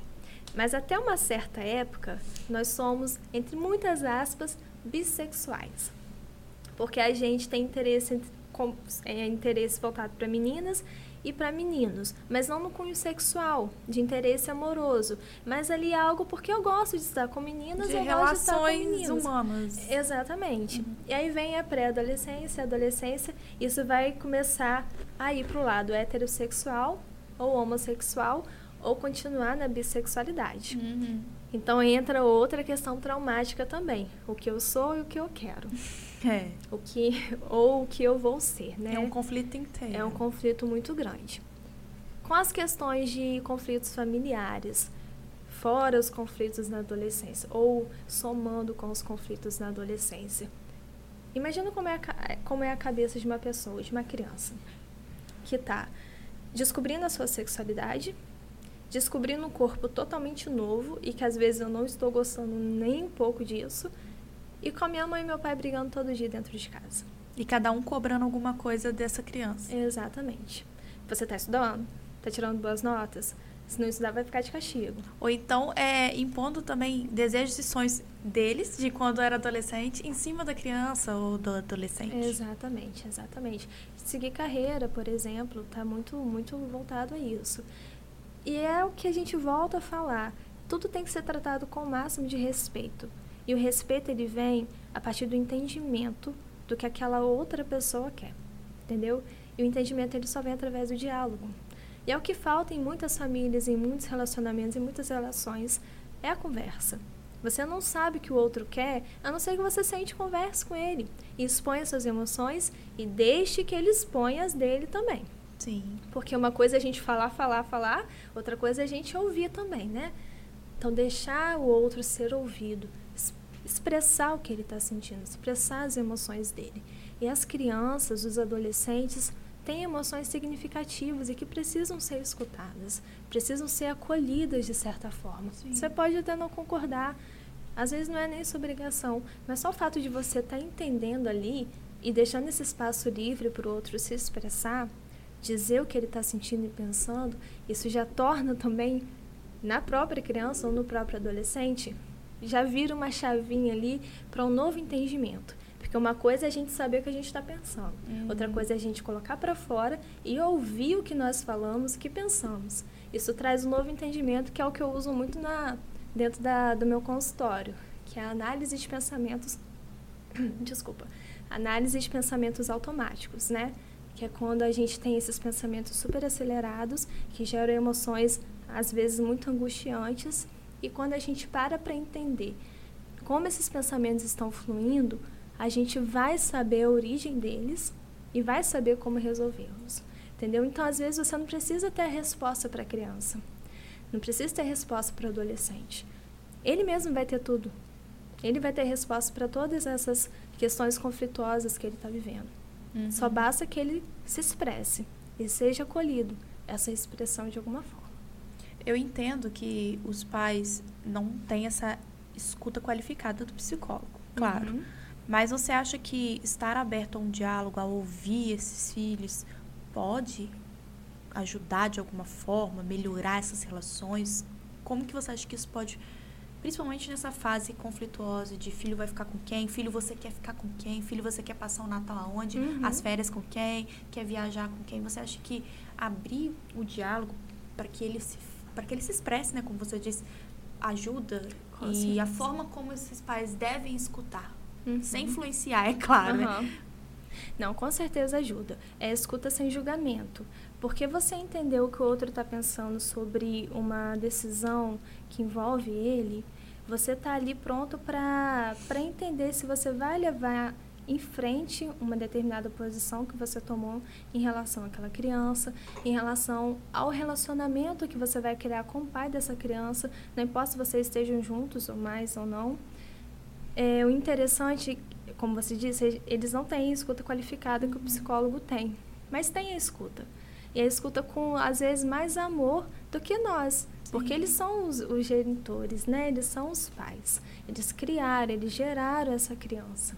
Então tem que ter escuta sim, porque às vezes vai ser expressado ali algo que os pais nem sabiam que estavam fazendo. Então é um choque para eles também, para começar a entender e aprender que aonde eles estão errando tem como ser modificado, entende?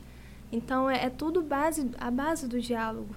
E que vai ter que dar o braço a torcer às vezes, abrir mão, Exatamente. ceder por amor àquela criança, né? Exatamente. Porque não é sobre os pais, é sobre o filho. A Exato. convivência, a guarda, eu sempre falo isso no direito e a psicologia também acredito que veja assim, é sobre o menor, sobre uhum. o filho. Isso não é mesmo. sobre o ex-casal que está ali uhum. disputando. Porque isso. não é um objeto, um pacote de biscoito que você vai para lá, vai ficar comigo, é. eu vou é. pegar. É, é, é, um, ser é um humano, ser. né? Com desejos, com sonhos e vontades e frustrações também. Mas a questão, Raíla, é que mesmo que você não aceite, não entenda que aquilo que o seu filho está falando é algo ruim que você está fazendo, você pode até não entender e não aceitar. Não vou mudar. Mas você vai ter a responsabilidade por isso e você vai estar ciente do que você está fazendo. Uhum. Então é um peso maior na sua consciência. Então, mesmo que você não aceite, não mude agora, uma hora você vai ter que mudar. Você vai estar ciente de que está fazendo mal ao seu filho. É e ele já levou isso para você. E quando a criança leva isso para os pais e eles não aceitam, aí eles se retraem mais ainda e param de levar as coisas. Então, tudo relacionado a futuros relacionamentos, por exemplo, as relações sexuais. Tem pessoas, né, jovens, adolescentes, que não não conseguem contar para os pais que tiveram a primeira, primeira relação sexual. Eu acho que a maioria, né? A é maioria. muito difícil uhum. ter essa. Não, não conseguem.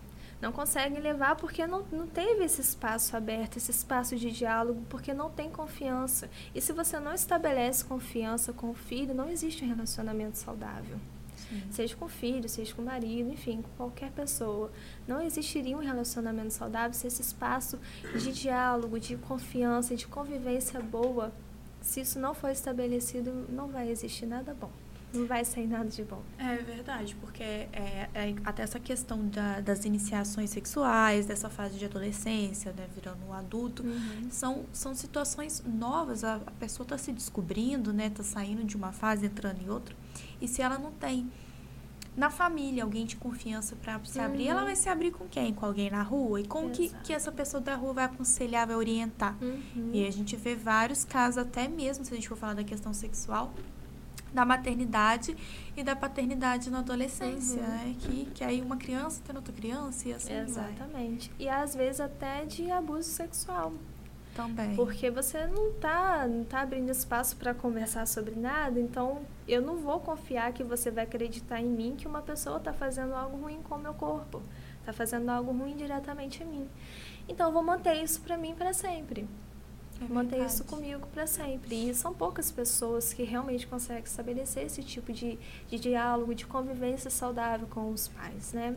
Isso é aquilo que a gente está falando desde o início. É a relação que vem desde a infância, vem desde pequenininho e que vai sendo assim, vai sendo estabelecido para o resto da vida. Se está sendo bom no começo, se está sendo saudável, está crescendo uma criança saudável emocionalmente, um pré-adolescente, um adolescente saudável emocionalmente, você vai ver que um adulto vai se estabilizar assim, dessa forma. Agora, se você não dá atenção para a saúde mental, a saúde física também, para tudo, né? Uhum. De uma criança, de um adolescente, é muito difícil chegar na fase adulta sem uma desregulação emocional, sem, sem um, um traumazinho, uma crisezinha de ansiedade ou uma depressão. E aí vem o suicídio, vem questões ligadas à automutilação. Sim. E aí vem mais uma cobrança da sociedade, mais uma cobrança da família. Você tem tudo, você sempre teve de tudo. Mas eu não tive atenção. Eu não tive amor, eu não tive respeito, eu não tive carinho, não tive acalento, então não tinha tudo. Porque a criança ela não precisa de tudo material, de tudo físico. Ela precisa de tudo emocional. Acolhimento, né? Exatamente. E as crianças Compreensão, não muitas isso, vezes. Exatamente. E não, isso não, não tem, não tenho visto, infelizmente, isso com alguns pais, né? E se a gente... Com todos, com a maioria, pelo menos, né? Mas é, mas é com a maioria mesmo. Eu acho que, assim, são tantas questões, tantos conflitos que o adulto, ele não está conseguindo resolver as questões dele. Uhum. E a criança, é o que você falou, as pessoas não veem a criança como um, um ser humano que tem vontade, uma, uma pessoa que tem que ser respeitada, né? Tem até um Exato. movimento da maternidade hoje no Instagram, eu tenho percebido, sobre essa questão de, de respeitar a vontade da criança, que aí sempre coloca outra pessoa no lugar da criança, coloca uma situação, Uhum. mas se fosse um idoso, se fosse um cachorro, um, um animal, alguém, e, e, e você batesse nele, ou você não respeitasse a vontade, ou fizesse a força. Tem até um vídeo que eu achei engraçado, mas ele é bem sério. Uma mulher que pega e, e faz demonstrações com o marido dela, tipo, forçando ele a comer alguma coisa, puxando ele pra mão pra entrar no lugar. É, Então, quando você vê isso com outra pessoa no lugar da criança, você acha um absurdo, você se espanta. Mas quando é com a criança, é normal. Não, é, exatamente. Tipo, vai lá no tio, dá um abraço no tio, pede benção ao tio, vai. Gente, pelo amor de Deus, não, não force Não a criança. Porque você não sabe, às vezes é isso mesmo. Você de tanto forçar, ela vai omitir coisas de você, tá bom? Uhum. E se ela tá com receio, não, não quero, não quero chegar perto, não quero abraçar, investigue que tem alguma coisa. Presta atenção. Ou às vezes é só a sinal de tudo. personalidade também dela. Eu, eu era uma criança desconfiada.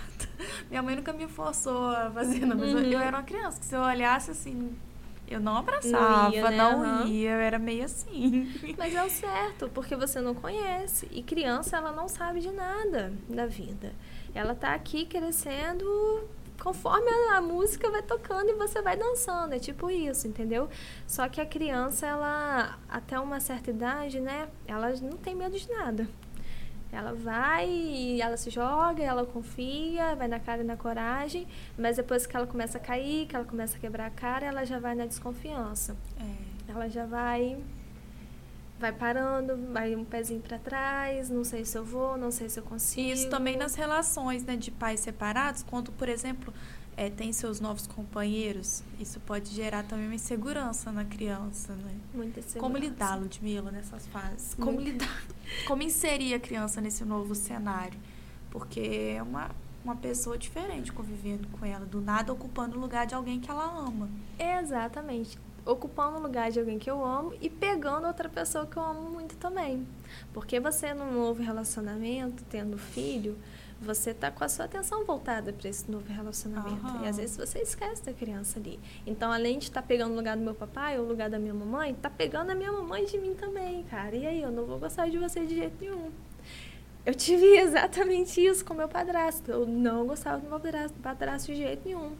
Depois de muito tempo entendendo como funciona essa relação e depois de muita terapia também que teve aceitação, que teve essa aceitação.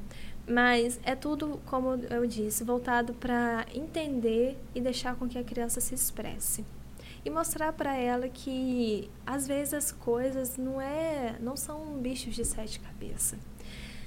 Muitas questões ligadas à ansiedade, por exemplo, e à depressão, estão voltadas a conteúdos que nós mesmos começamos a criar dentro de nós, por conta de traumas, por conta de disfunções e afins. Mas quando a gente se depara com situações assim e depois de um certo tempo em análise, né, em terapia, a gente começa a perceber que sempre foi uma luta entre você contra você mesmo. Entende? E a criança ela, ela também é dessa forma. É uma luta entre ela contra ela mesma. Como na questão da separação e da alienação parental. Eu vou amar o meu pai ou vou deixar de amar ele porque minha mãe está fazendo isso? E se eu amar ele, eu vou ter que deixar de amar minha mãe? Esses conflitos existem. E aí vem um novo, um novo parceiro, uma nova parceira. E o conflito ele potencializa. Porque agora o que, que eu vou fazer com essa nova pessoa? Tá tomando o lugar de alguém que eu amo muito? e vai tomar agora outra pessoa que eu amo muito também, é mostrar para a criança que o problema está dentro da cabeça dela porque foi inserido assim anteriormente. Entendeu? E aí entra também a questão da terapia com os pais. Resumindo, leve a criança ao psicólogo. Leve a criança ao Vá psicólogo. Vá você ao psicólogo, porque Exato. é, é bem, difícil, é bem É complexo, né? É muito difícil e não funciona. A terapia não funciona com a criança se não houver a presença dos pais. Infelizmente não. Porque como que eu vou tratar um sintoma sem tratar a causa? A criança é, É. o sintoma, a causa são os pais. Né? A causa são os conflitos que eles próprios geraram. Então não tem como tratar somente um lado, sendo que vai chegar dentro de casa e está tudo acontecendo de novo. A terapia eu trabalho ali 1%, os outros 99% é dentro de casa, é aqui fora na sociedade. E aí como é que faz? Se aqui está disfuncional, só esse 1% de terapia não vai dar certo. É verdade. Então a gente tem que tentar modificar o máximo possível a realidade da criança dentro de casa, na escola, e entender todo esse contexto dessa criança. E não ficar brigando no final de ano pra saber com quem que o filho vai ficar. Exatamente. Até porque é melhor que já pré-estabeleça isso sem que o filho participe, né? É, Isso. é, já deixa isso combinado Uhum. e, e vai inserir isso na vida do filho. Desde antes. Ah, meu filho vai passar o Natal esse ano na casa da, da vovó com a mamãe. Uhum. Ou então vai passar o ano novo com o papai, tal lugar. Pra criança também já ir se adaptando. Porque às vezes a família Isso. chega na véspera e fala assim: ah, amanhã sabe seu pai passar o ano novo lá. É, Olha o susto. Não, gente. A melhor opção, talvez, seja dar opções a ela. Ó, você pode passar o Natal com a mamãe e o Ano Novo com o papai, ou o Ano Novo com a mamãe e o Natal com o papai. Qual que você prefere? Em qual você vai estar mais confortável? Entender o que a criança quer. E os dois respeitarem o que a criança quer. Porque às vezes também você estabelece lá uma visitação de um jeito. E ali na prática, se você consegue é, exercer sem conflitar com o outro, Uhum. É tranquilo de respeitar a criança. Não é porque no papel tá escrito que tem que ser no, no ano par o Natal com o pai, que o que a criança tem que ir com o pai. Não, né? isso não funciona. Até porque pode prática, passar a né? noite com, com, a, com a mãe e no outro dia com o pai. Isso, exatamente. É entender o que a criança mais deseja naquele momento e respeitar isso. Ter filho é ser maleável também, né? Exatamente. Tem que saber que tem uma vida que depende de você. Exatamente. E não é sua vontade a qualquer custo. Né? E, poxa vida, você tem mais maturidade que uma criança. Então, não custa É, nada não você... sei. É, né? Deveria ter, pelo menos, né? Mas... Mas quem dera, né? Se fosse assim, se houvesse essa relação respeitosa, né? Entre pais e os filhos. É e pais separados, né? Ex-cônjuges. Mas é aquilo que eu falei, existe ex-marido, existe, existe ex-mulher, mas não existe nunca ex-filho, Não né? existe. Essa é a questão do respeito que a gente tá... Filho é pra sempre. É verdade. Acho que é isso. Acho que falamos de tudo. Falamos. Ai, foi muito legal. Eu mesmo tava aprendendo várias coisas. Eu sempre aprendo. Eu falo Ai, que que todo mundo que eu trago aqui é pra me ensinar. Ah, mas Eu- é, a gente tem sempre a aprender coisas Eu tenho hora que eu paro, assim, fico né? quieta aqui, aí a pessoa deve achar assim, tá viajando, mas é que eu fico prestando atenção pra aprender.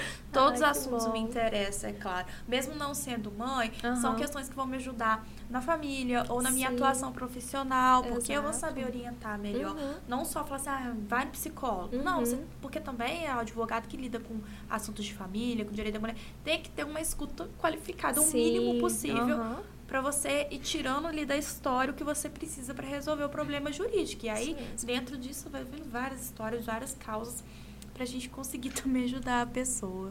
Isso mesmo. Mas é isso. bom. Vou finalizar o episódio com umas perguntinhas que eu sempre faço para minhas convidadas. Vamos lá. Um Bate-bola, bem jogo rápido, Aham. assim. Vamos lá, Ludmilla. Você tem medo de quê? Cobra. Cobra. Muito medo. É a primeira coisa que vem na minha cabeça. Ah, Ludmilla, você morava na roça, porque Venâncio é Ah, roça. filho, Venâncio é roça. Eu fui picado por uma Não cobra me uma mata, vez. o povo de... Como é que é que eles falam? Venâncio de Noronha. Venâncio de Noronha. Isso mesmo. A Um beijo, interior. Venâncio de Noronha. Isso mesmo, mas eu morro de medo de cobra, eu não consigo ver foto, vídeo, nada, nada, nada, É nada. pa- pavor. Mas é trauma isso? Trauma, eu fui picado por uma cobra na Ah, escola. não. Inclusive, eles não acreditaram em mim, tá?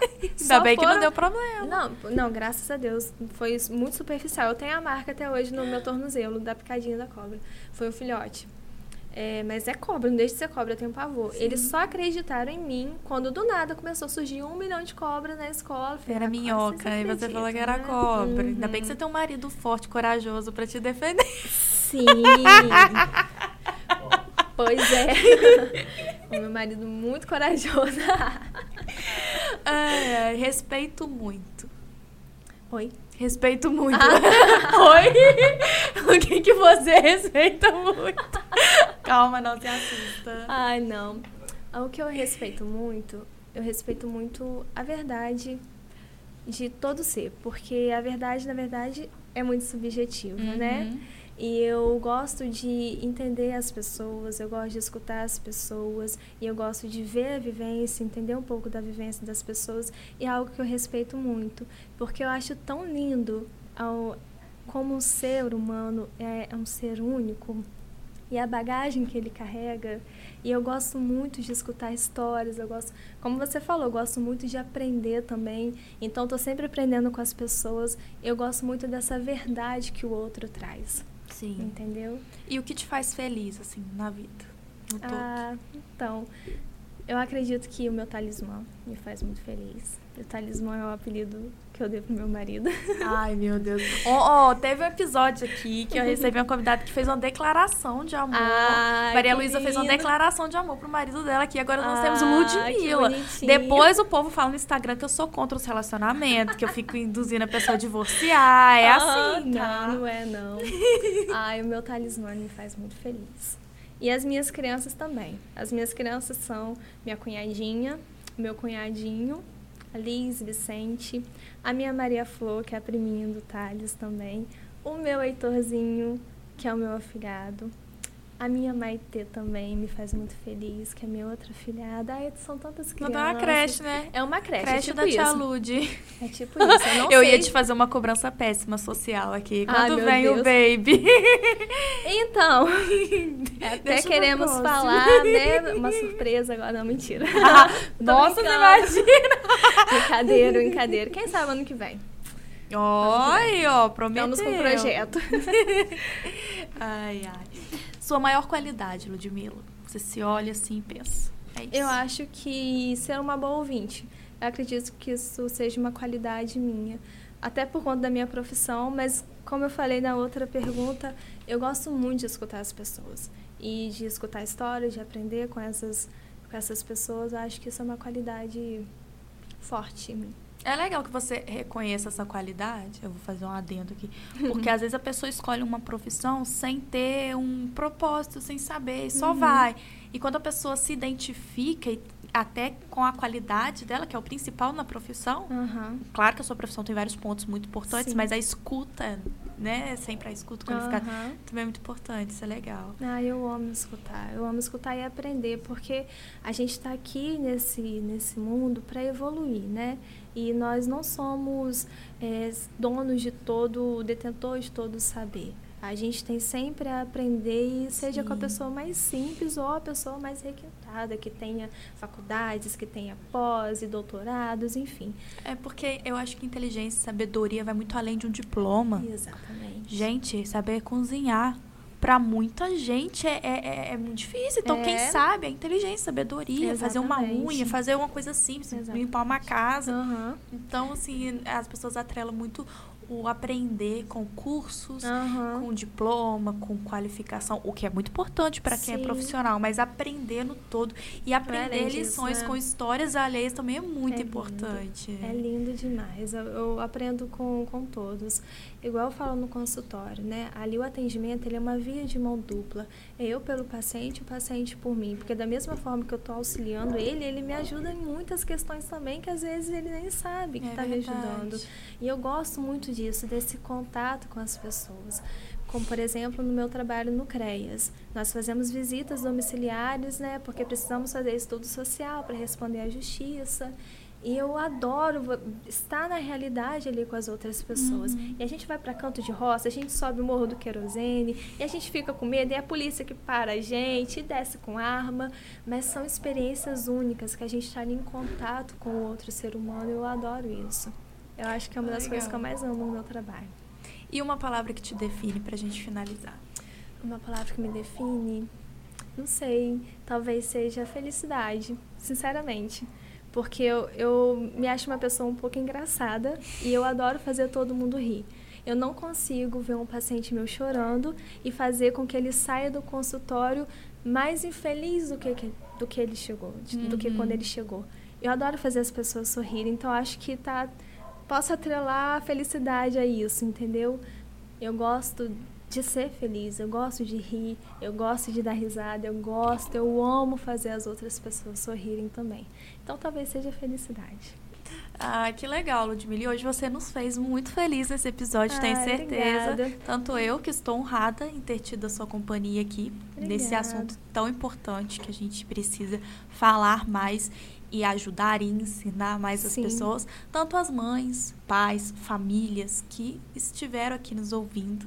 Então, quero te agradecer muito. Ah, eu que agradeço. É, Estou muito feliz mesmo. Foi um papo maravilhoso, prazeroso.